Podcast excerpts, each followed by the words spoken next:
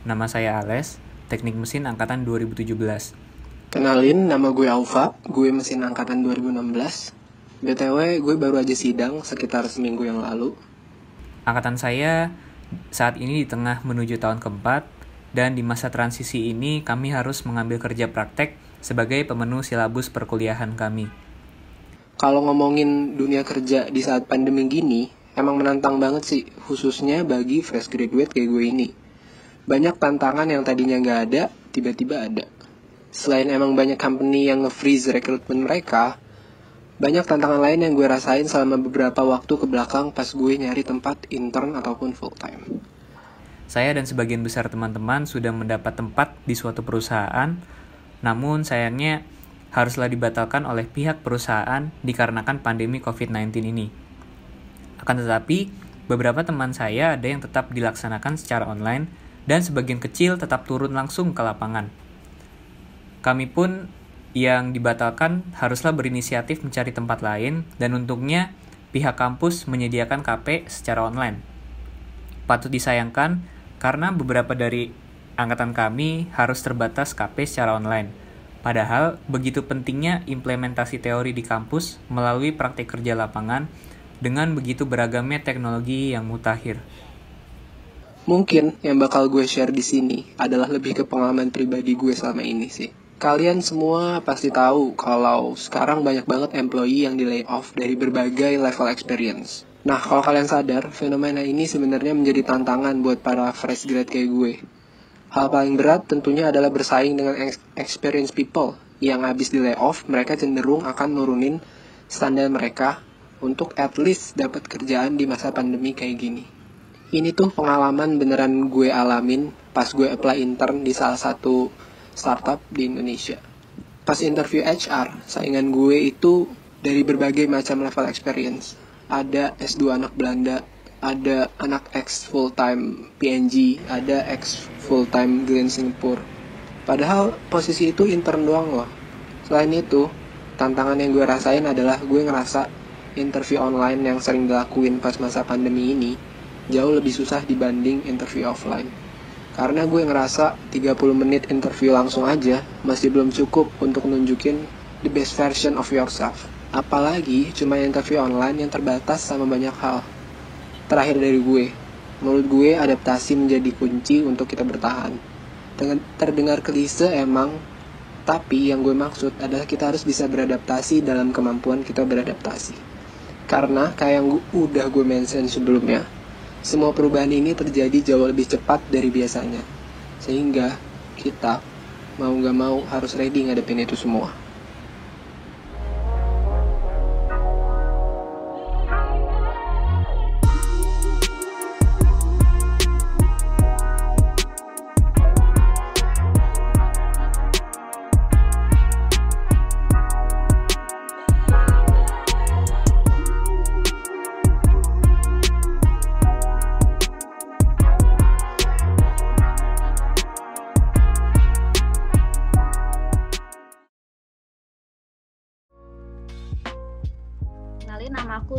Zikrina.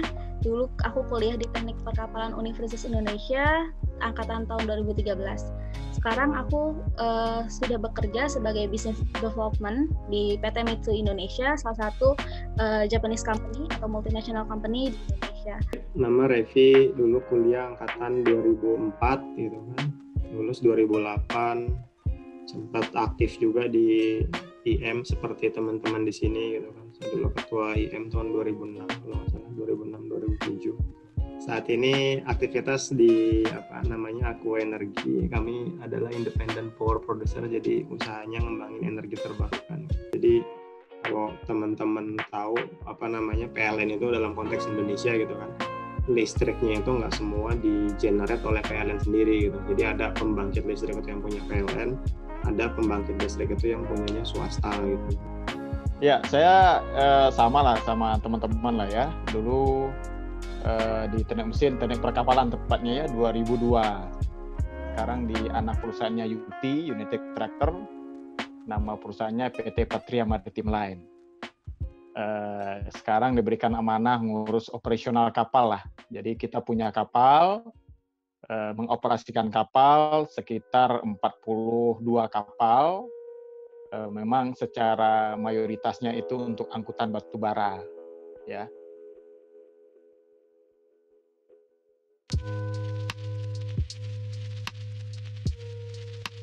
pasti ada ya sebenarnya ya pola pola kerja terus uh, apa namanya uh, productivity gitu kan semuanya pasti berubah dan dan kepengaruh sama sama pandemi ini gitu. Karena kan cara cara kita kerja juga beda gitu.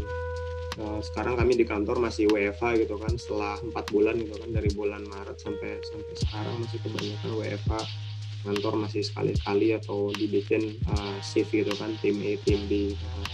ya walaupun kita mulai uh, adapt gitu kan mulai adjust uh, pola kerjanya di internal kita sama ya klien-klien juga uh, stakeholders macam-macam ya cuman nggak bisa dipungkirin bahwa memang dari sisi uh, let's say efisiensi sih ya itu kayaknya memang memang berkurang sih. Kalau ngomongin speed sebenarnya atau atau apa namanya amount of activity yang bisa dikerjakan dalam waktu yang sama sebenarnya jauh lebih banyak yang bisa kita kerjakan dalam dalam masa kayak gini gitu loh apa namanya kita kerja bisa lebih panjang waktunya gitu bisa lebih efisien.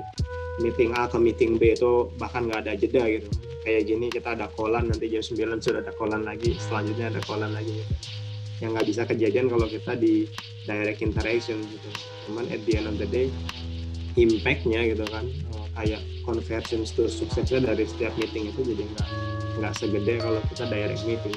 Karena nggak ada nggak ada itu nggak ada direct interaction nggak ada itu nggak ada deep exchange kayak gitu kira-kira secara kesimpulan di tempat saya sih tempat di di tempat saya pelayaran eh, ada impact ada penurunan memang sekitar 20-an persen lah ya itu di di tempat saya. Cuman di sister company di tempat di UT Group itu kan juga ada kita bikin alat berat sebenarnya anak-anak mesin itu di sana tuh. Jadi kita bikin uh, untuk uh, apa namanya alat angkutan batu baranya itu ya mungkin bak-bak truk itu ya. Nah itu memang uh, murni engineering ya. Nah teman-teman tahu engineering itu kan nggak bisa di online kan ya. Ya maksudnya harus ngelas kan. Ngelas kan nggak mungkin di online kan kan gitu. Jadi harus datang ke pabrik. Nah sementara aturan hari ini di Indonesia sama-sama kita tahu ya ada pengurangan jaga jarak dan sebagainya. Jadi bagi industri yang memang membutuhkan uh, ada pertemuan dan uh, kegiatan seperti itu ya mau nggak mau itu drop itu mungkin sampai 50% ya. Tapi kalau masih bisa di remote kayak kami di pelayaran ini masih di remote ya. Nah, ini bisa bisa sedikit uh, direduksi lah untuk impactnya. Seperti itu.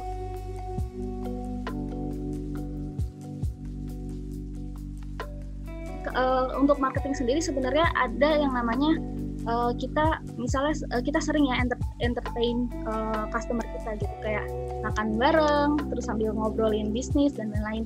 Itu kan yang jadi kurang jadi hilang gitu gara-gara pandemi ini. Kita nggak pernah makan makan nggak pernah makan bareng customer lagi dan lain-lain. Dan di situ uh, itu di itu juga menjadi suatu homework buat aku gimana caranya tetap deket sama customer.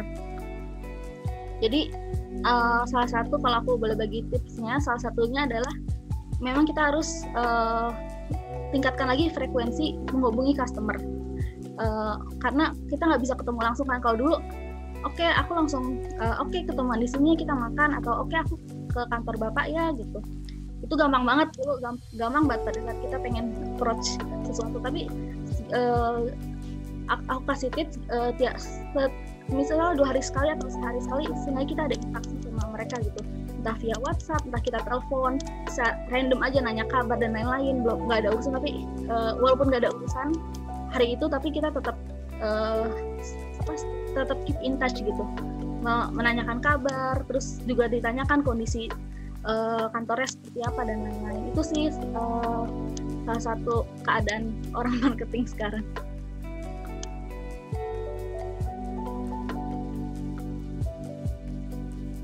Uh, secara garis umum menurun ya. Secara garis umum menurun terutama ini kan bisa dibilang karena kebetulan eh, saya ada kita main di batu bara ya. Batu bara ini tadi saya bilang uh, impact paling besar itu memang uh, Cina memang uh, berkurang ya. Mungkin kalau dari biasa kalau bikin presentase dia kurang sekitar 30% dari kondisi biasa. Artinya pengiriman batu bara ke Cina kurang lebih berkurang 30%. Ke Jepang 20% ya. Ke India itu sekitar 80 sampai 90% berkurang. Ya. Jadi memang ada beda-beda ya, tapi secara garis besar berkurang karena kan ekspor Indonesia ya, terutama untuk mineral ini kan terutama ke Cina, eh, tadi ya ke Jepang gitu ya, ke India ya itu paling banyak kalau Indonesia termasuk juga nikel dan sebagainya ya. Tapi kan secara garis besar itu berkurang kalau bisnisnya sendiri kan nature-nya rada ini ya uh, apa namanya uh, beda lah gitu. Saya fokusnya sendiri kebetulan listrik swasta, cuman dispesifikkan lagi hanya fokus di uh, pembangkit yang basisnya energi terbarukan. Jadi bikin pembangkit listrik yang basisnya dari energi matahari, air, angin gitu kan, uh, sama biomasa itu. Bisnisnya sendiri sebenarnya pre pandemi pun nggak seberapa gede gitu loh, karena memang di kita adopsi untuk renewable energy itu sangat lambat sebenarnya kalau bisa dibilang itu kan jauh dari apa yang yang kita targetkan apa yang government canangkan gitu kan untuk mencapai 23% di 2025 itu bisnis as usual kayaknya nggak akan inilah nggak akan ke capai target tersebut gitu. itu pre pandemi ya sudah kayak gitu gitu loh kondisinya gitu. ditambahin sekarang ada pandemi ya sebenarnya makin makin slow lagi sih gitu kemarin ada beberapa tender-tender besar yang sudah kita harapkan dari tahun lalu gitu kan. Begitu pandemi uh, jadi di hold itu kan jadi di, ditunda gitu kan sampai nggak tahu kapan.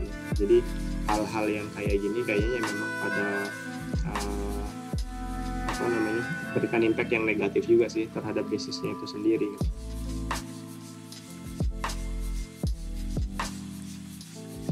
Nomor satu pasti uh, uh, bisnis turun ya Artinya kalau bisnis turun artinya muatan berkurang gitu ya. Muatan berkurang kalau di kan hari ini tidak hanya mungkin di angkutan batu bara ya. Karena kalau kapal itu macam-macam teman-teman ya. Ada yang kontainer, ada yang tanker, ada macam-macam lah ya. Uh, uh, kalau saya kalau bisa digaris ambil sebuah kesimpulan uh, penurunan kargo itu di kisaran uh, 40% ya sampai 50% ya ketika kargo berturun 40% artinya apa? Pendapatan perusahaan juga drop gitu. Ya, eh, inline tuh. Kalau pendapatan drop sementara biaya operasional kayak orang-orang masih sama gitu ya.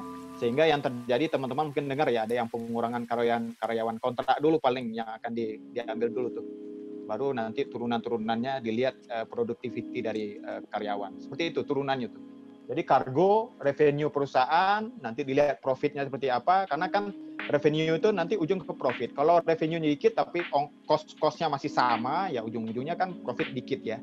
Nah nanti turunan-turunnya uh, sehingga keluarlah hari ini semua jalanin namanya CRP itu, cost reduction program, semuanya jalankan. Itulah garis besar kita.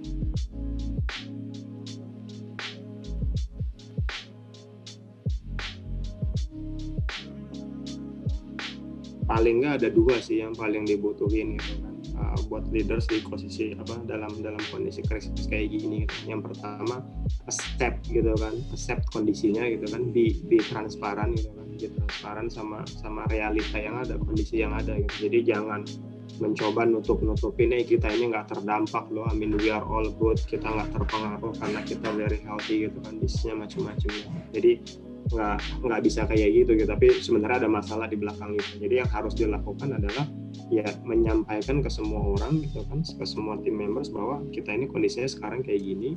All the all the economics actually slowing down. Kita terdampak uh, accept tapi kita akan melalui ini dengan ini ini ini gitu kan. Jadi yang kedua tadi yang pertama become kita become transparan gitu kan. Uh, accept kondisi yang ada realita yang ada kayak apa dianalisis. Setelah itu ya giving a right direction gitu sebagai sebagai leader itu yang paling penting sih. Nomor satu terbuka. Nomor satu keterbukaan ya. Harus keterbukaan saya ke ke GM ke manajer ke staff sampai ke kru kapal kita kita terbuka ya. Menyampaikan kondisi realnya seperti apa hari ini ya. Maksudnya kondisi perusahaan termasuk bisnis perusahaan gitu ya. Bahkan juga menyampaikan eh, apa namanya eh, planning ke depan kalau ada perubahan ada penyesuaian kita harus sampaikan secara terbuka. Itu nomor satu ya. Cuman yang kedua adalah eh, selalu kalau kami di kantor eh, di jajaran direksi sepakat bahwa meyakini ya meyakini bahwa di saat kesulitan ini pasti ada jalan gitu. Pasti ada sebuah uh, uh, hikmah besar. Nah, oleh karena itu uh, kami tidak boleh berhenti. Kita nggak boleh berhenti untuk mencari uh, bahasanya diversifikasi. Jadi hari ini kita cari ide-ide baru sehingga uh, apa namanya ada peluang-peluang lain yang kita ciptain. Mesti begitu.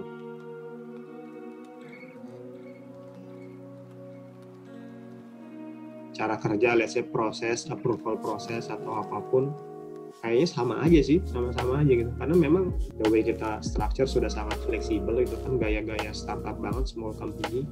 Uh, terus tadi kalau ngomongin proses pun sebelum sama pas pandemi ini juga sama-sama aja gitu. Karena kita memang kebiasa ini lah, biasa cepat gitu kan, agile gitu kan in in decisions making proses dan dan coba semuanya di speed up gitu.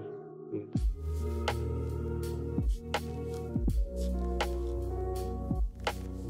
Kalau di kantor-kantor biasanya mereka langsung membentuk pada saat kondisi ini kan namanya masa krisis ya. Pada saat masa krisis ini mereka biasanya membentuk suatu tim namanya business continuity plan uh, team.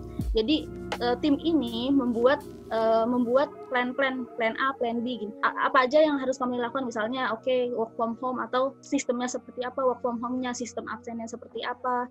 Uh, terus kalau ada yang tapi tetap butuh misalnya kirim surat dokumen dan lain-lain oke okay, kalau kalau ada yang butuh ke kantor gimana? Mikirin transportasinya dan lain-lain.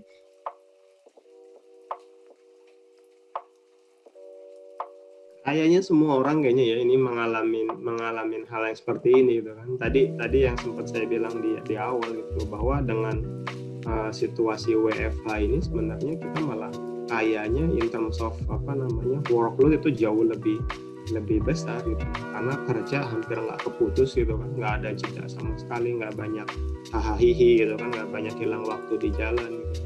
memang kayaknya gitu sih. Semua orang kayak gitu. Cuman ya pada akhirnya pada akhirnya harusnya balik ke masing-masing individu lagi kan. Dia harus bisa ngelimit diri dia bahwa misalnya gitu kan gue nggak saya nggak bisa ikut meeting kalau itu udah lewat saya saya nggak tahu jam kerja orang masing-masing beda kan. Setelah lewat jam 5 gitu. Saya kerja biasanya sampai jam jam 6 jam setengah tujuh dan waktu saya meeting oke okay, kalaupun mau meeting saya lebih prefer nanti lebih malaman lagi gitu setelah jam 10 jam jam 10-an gitu. Gitu.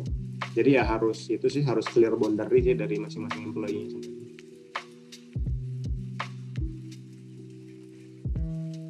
gini uh, performa kita kan gini di kita ini terukur ya teman-teman ya jadi setiap orang itu yang disebut saya bilang tadi ada KPI-nya, Key Performance Indicator-nya ada. Yaitu setiap uh, akhir tahun untuk tahun ke depan misalkan di bulan uh, Des November Desember kita udah ambil komitmen tuh. Jadi dia udah tahu betul tuh apa yang saya kerjakan harian, uh, uh, apa uh, kewajiban harian, apa yang menjadi sebuah target saya. Karena ujung-ujungnya kalau di kami itu ada namanya yang kerja bukan gaji, tapi yang kerja itu bonus, ya Nah, bonus bonus itu bonus karyawan itu ditentukan betul dari uh, performance dia, yang itu uh, komitmen pribadinya dengan atasannya. Gitu. Jadi uh, karena dia pegang selalu komitmen itu di, di pribadi masing-masing, jadi uh, apa namanya uh, setiap waktu semua itu dan setiap bulan itu berjalan dengan sesuatu yang saling kejar-kejaran gitu ya. Dan itu cukup menurut saya sih uh, cukup fair ya bagi karyawan juga seperti itu.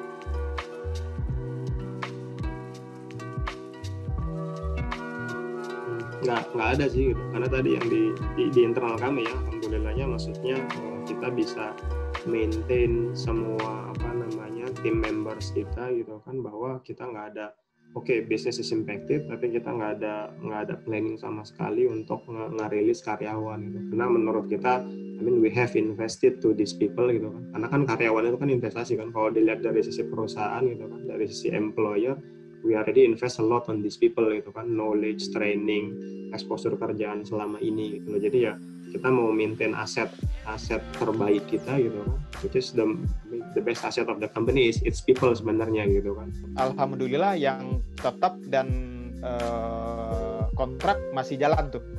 Yang nggak boleh maksudnya uh, tidak kita PHK poinnya itu ya. Ya uh, yang hanya berubah adalah kalau tadi saya bilang ke kantor itu memang karyawan tetap saja dan karyawan kontrak ya itu pun sesuai kebutuhan Tapi kalau ada juga karyawan kemarin yang magang-magang tuh, anak, anak misalkan anak perkapalan lah atau anak mana yang magang-magang ya, itu uh, benar-benar nggak ke kantor itu aja. Tapi kalau masalah tadi hubungan kerja, alhamdulillah sih tidak ada pengurangan ya. Nah, kalau di Mitsu sendiri, uh, nggak uh, alhamdulillahnya belum ada ya uh, pengurangan karyawan dan uh, ya, yang seperti itu. Nah, uh, malah kita rekrut karyawan ya pada saat pandemi ini. malah iya dan rekrutmennya jadi gini via video, telepon, interview telepon, interview, interview video.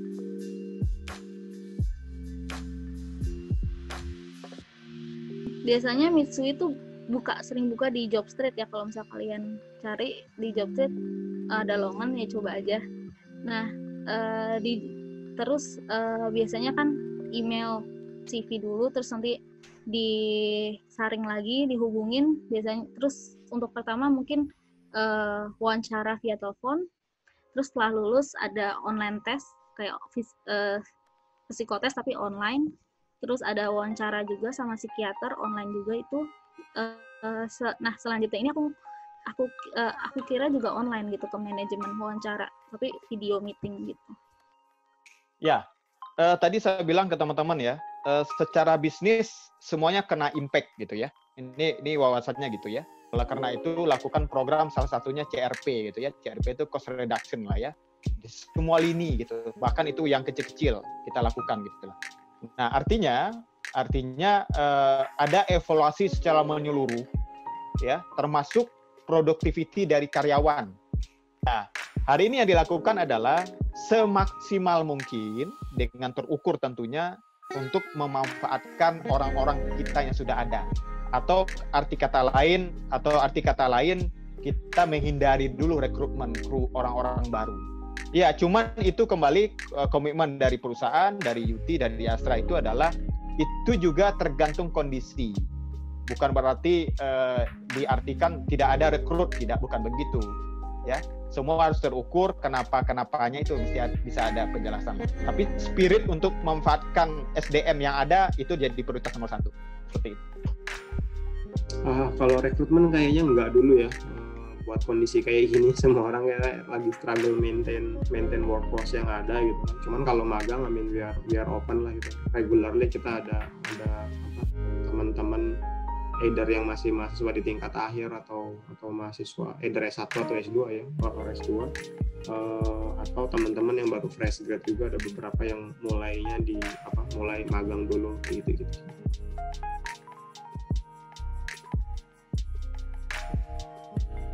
ya kayaknya mahasiswa sekarang juga dalam situasi yang sulit ya apalagi yang baru-baru lulus gitu kan. Baru lulus uh, udah nggak bisa wisuda terus ikutan apa kena kena lagi pandemi begini gitu. cuman ya tantangannya mungkin kalian generasi yang ini lah generasi yang tough kayaknya gitu karena dihadapin pada situasi yang seperti ini gitu.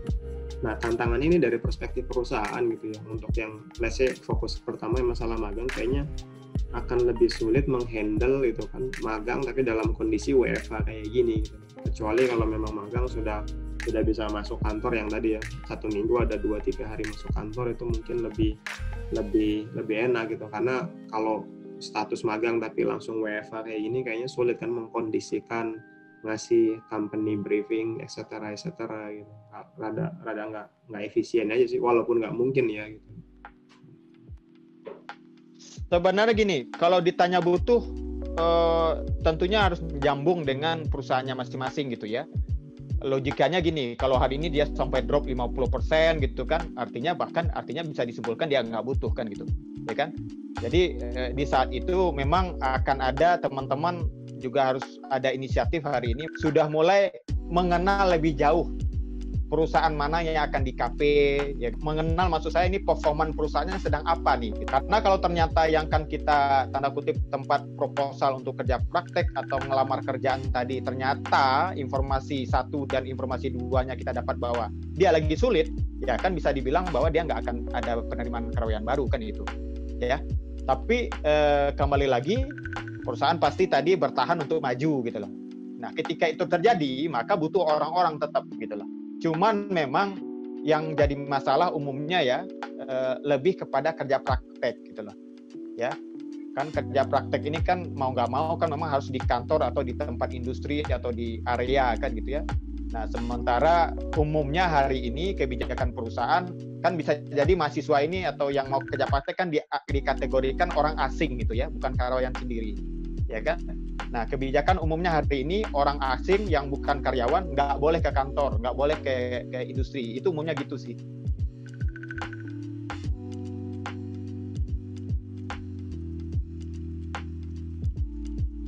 menurut aku ada kemungkinan ya kalau misalnya si perusahaan ini uh, perusahaan kan akan menilai nih selama WFH.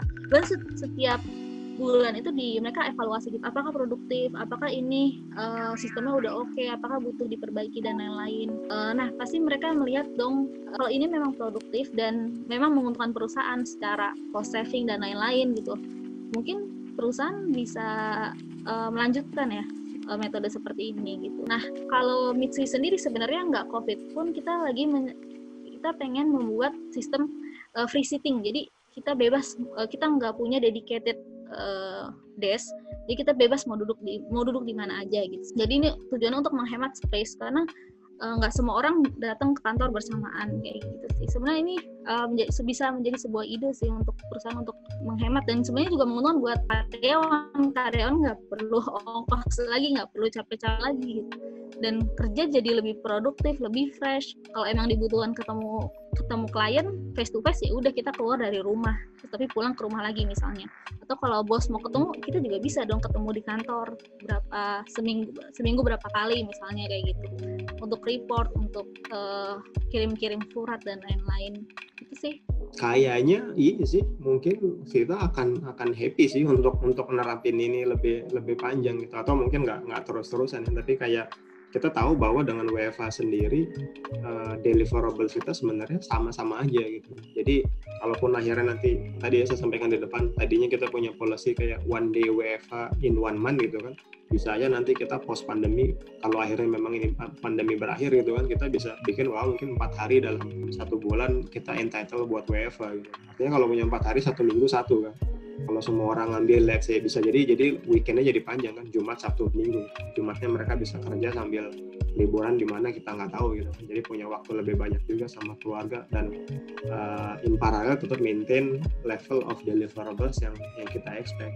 Dan itu jadi ini kan jadi semua orang jadi bahagia kan. Nanti dari sisi company deliverable tetap ada dari sisi employee gitu kan karyawan lebih lebih bahagia juga karena punya longer weekend uh, waktu sama keluarga lebih panjang dan stres yang berkurang kan karena avoid avoid traveling tadi gitu di hari Jumat especially gitu gitu.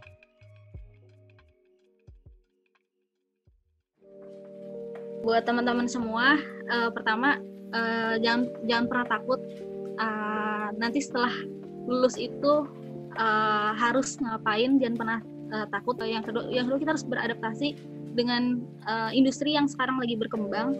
Yang ketiga harus update dengan perkembangan uh, bisnis perkembangan industri jangan tutup mata. Terus uh, sama uh, ja, uh, misalnya belum dapat kerja gitu. Kalau udah lulus tapi uh, beberapa bulan belum dapat kerja. Jangan khawatir karena pasti uh, pasti akan ada tempat terbaik gitu buat kalian gitu. Ya harus yakin terus berdoa terus berusaha jangan ke down jangan ngelihat kanan kiri jangan ngelihat teman-teman oh temen gue udah diterima di perusahaan ini gitu. Nomor satu gini ke teman-teman ya baik itu yang mau kerja ataupun mau yang KP intinya sih berhubungan di dunia, dengan dunia kerja lah ya. Nomor satu adalah uh, optimalkan jaringan bukan nepotisme, bukan KKN lah, bukan itu, tapi memang butuh jaringan itu penting. Nah, maksudnya adalah uh, kalian mau KP, mau kerja, maksimalkan jaringan, jaringan, jaringan dosen, jaringan alumni, jaringan tetangga, jaringan organisasi, itu kan penting. Kenapa harus kalian kerja di ekstrakurikuler kan? Di apa? Di gokar lah, di robot, di apa apa itu kan memperkuat jaringan. Aktif di BEM lah, aktif di MPM, di IM itu untuk jaringan. Jadi dua hal. Jadi dua hal kembali gue bilang kita nawi kita anak teknik kita anak mesin lu harus jadi topnya. Ibarat piramid lu harus di atas. Ya jangan gabung dengan M yang di bawah. Lu mesin kan? Lu lu di desa desa capek lu berdarah darah lu berantem sama yang lain. Berdarah darah saat KP berdarah darah saat kerja gitu. Tapi lu naikin piramid di atas. Kalau perlu lu sesuatu yang beda nih. Lu misalnya kemarin juara motor uh, mobil yang efisien atau apalah gitu. Itu udah sesuatu lu naik ke atas naik ke atas lagi tuh dan buat temen-temen yang masih kuliah ya ini sih ya ya klasik lah message-nya lah gitu. Tapi menurut saya ya selesaikan kuliahnya dengan dengan baik gitu kan. Sama yang yang kedua tetap aktif berorganisasi kayak gini. Dan menurut saya yang paling penting uh, kalau bisa excel di dua-duanya gitu. Sama manfaatkan waktu ini sih uh, selama kuliah ini buat uh, buat explore banyak hal doing something uh, interesting gitu kan. Kalau mau mulai bisnis mulai project belajar dari sekarang beneran di digiatin gitu kan ditekunin sendiri gitu kan. Mudah-mudahan nggak nggak khawatir kalau lulus harus cepat yang penting dapat kerja kerjaan apa pun gitu kan. Kayak cuman khawatir status nggak kerja setelah lulus kayak jadi beban apa namanya beban moral atau ngerasa beban sosial jadi beban sosial gitu kan. Merasa jadi omongan orang atau apa pun kayaknya mindsetnya harus harus sudah lebih berani gitu kan. If you have like an idea gitu kan something that that you think is uh, interesting to, to explore further ya dig in gitu kan. Be be the entrepreneurs kalau bisa gitu.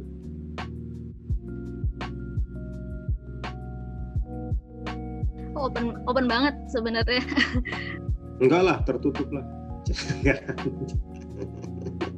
no ya yeah, yeah, I'm I'm I'm open I'm open I, I was kidding I mean uh, apa namanya saya saya terbuka banget sama sama siapa aja lah gitu apalagi uh, teman-teman uh, junior di mesin gitu loh. Saya kira ya, ini kan kita di di teknik apalagi ya, itu kan sudah kenal kenapa kenapa disebut abang dan adik itu itu esensinya itu.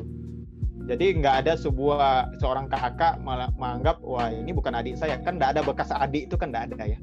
Sama juga lu juga nggak ada bekas kakak. Itu doktrin kita di teknik kayak gitu ya jadi jadi uh, kalau dia tanda kutip nih kalau dia tanda kutip merasa bahwa dia benar-benar anak teknik gitu ya apalagi anak mesin gitu ya dengan hitamnya kita kita punya itu ya jadi clear lah itu tanpa nggak perlu di istilahnya ditanya-tanya sih. Sudah sesuatu kewajiban kakak kayak adik sih. Kalau saya melihat begitu bahkan kalau ada yang nggak mau bantu ya ya itu sesuatu itu. Gitu. Nah.